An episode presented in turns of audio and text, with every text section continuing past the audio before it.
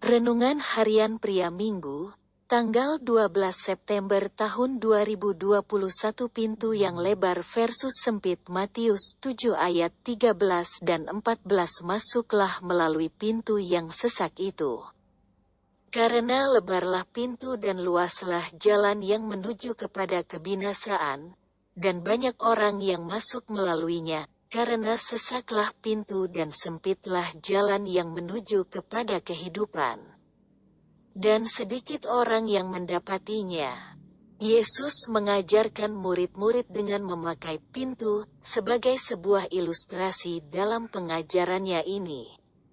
Ada dua macam pintu, yaitu pintu yang sesak dan sempit jalannya dan pintu yang lebar dan luaslah jalannya.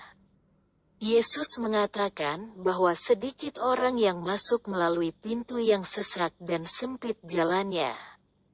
Sedangkan banyak orang yang masuk melalui pintu yang lebar dan luaslah jalannya. Padahal untuk memperoleh kehidupan orang harus masuk melalui pintu yang sesak dengan jalannya yang sempit. Sedangkan banyak orang yang binasa karena masuk melalui pintu yang lebar dan luas jalannya.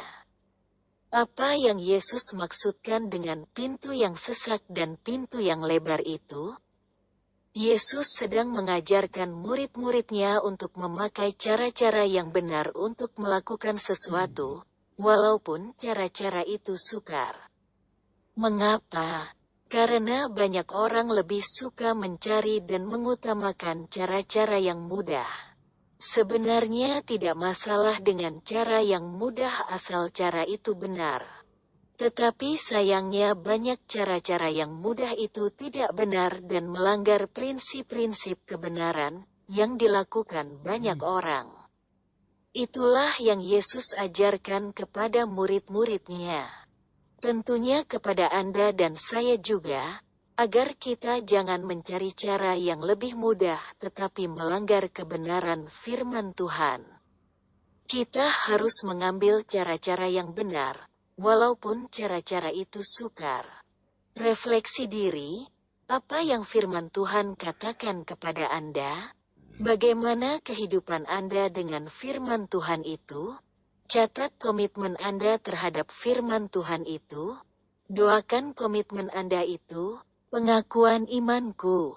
Saya mengambil cara-cara yang benar walaupun itu sukar, dan saya percaya Tuhan menolong saya.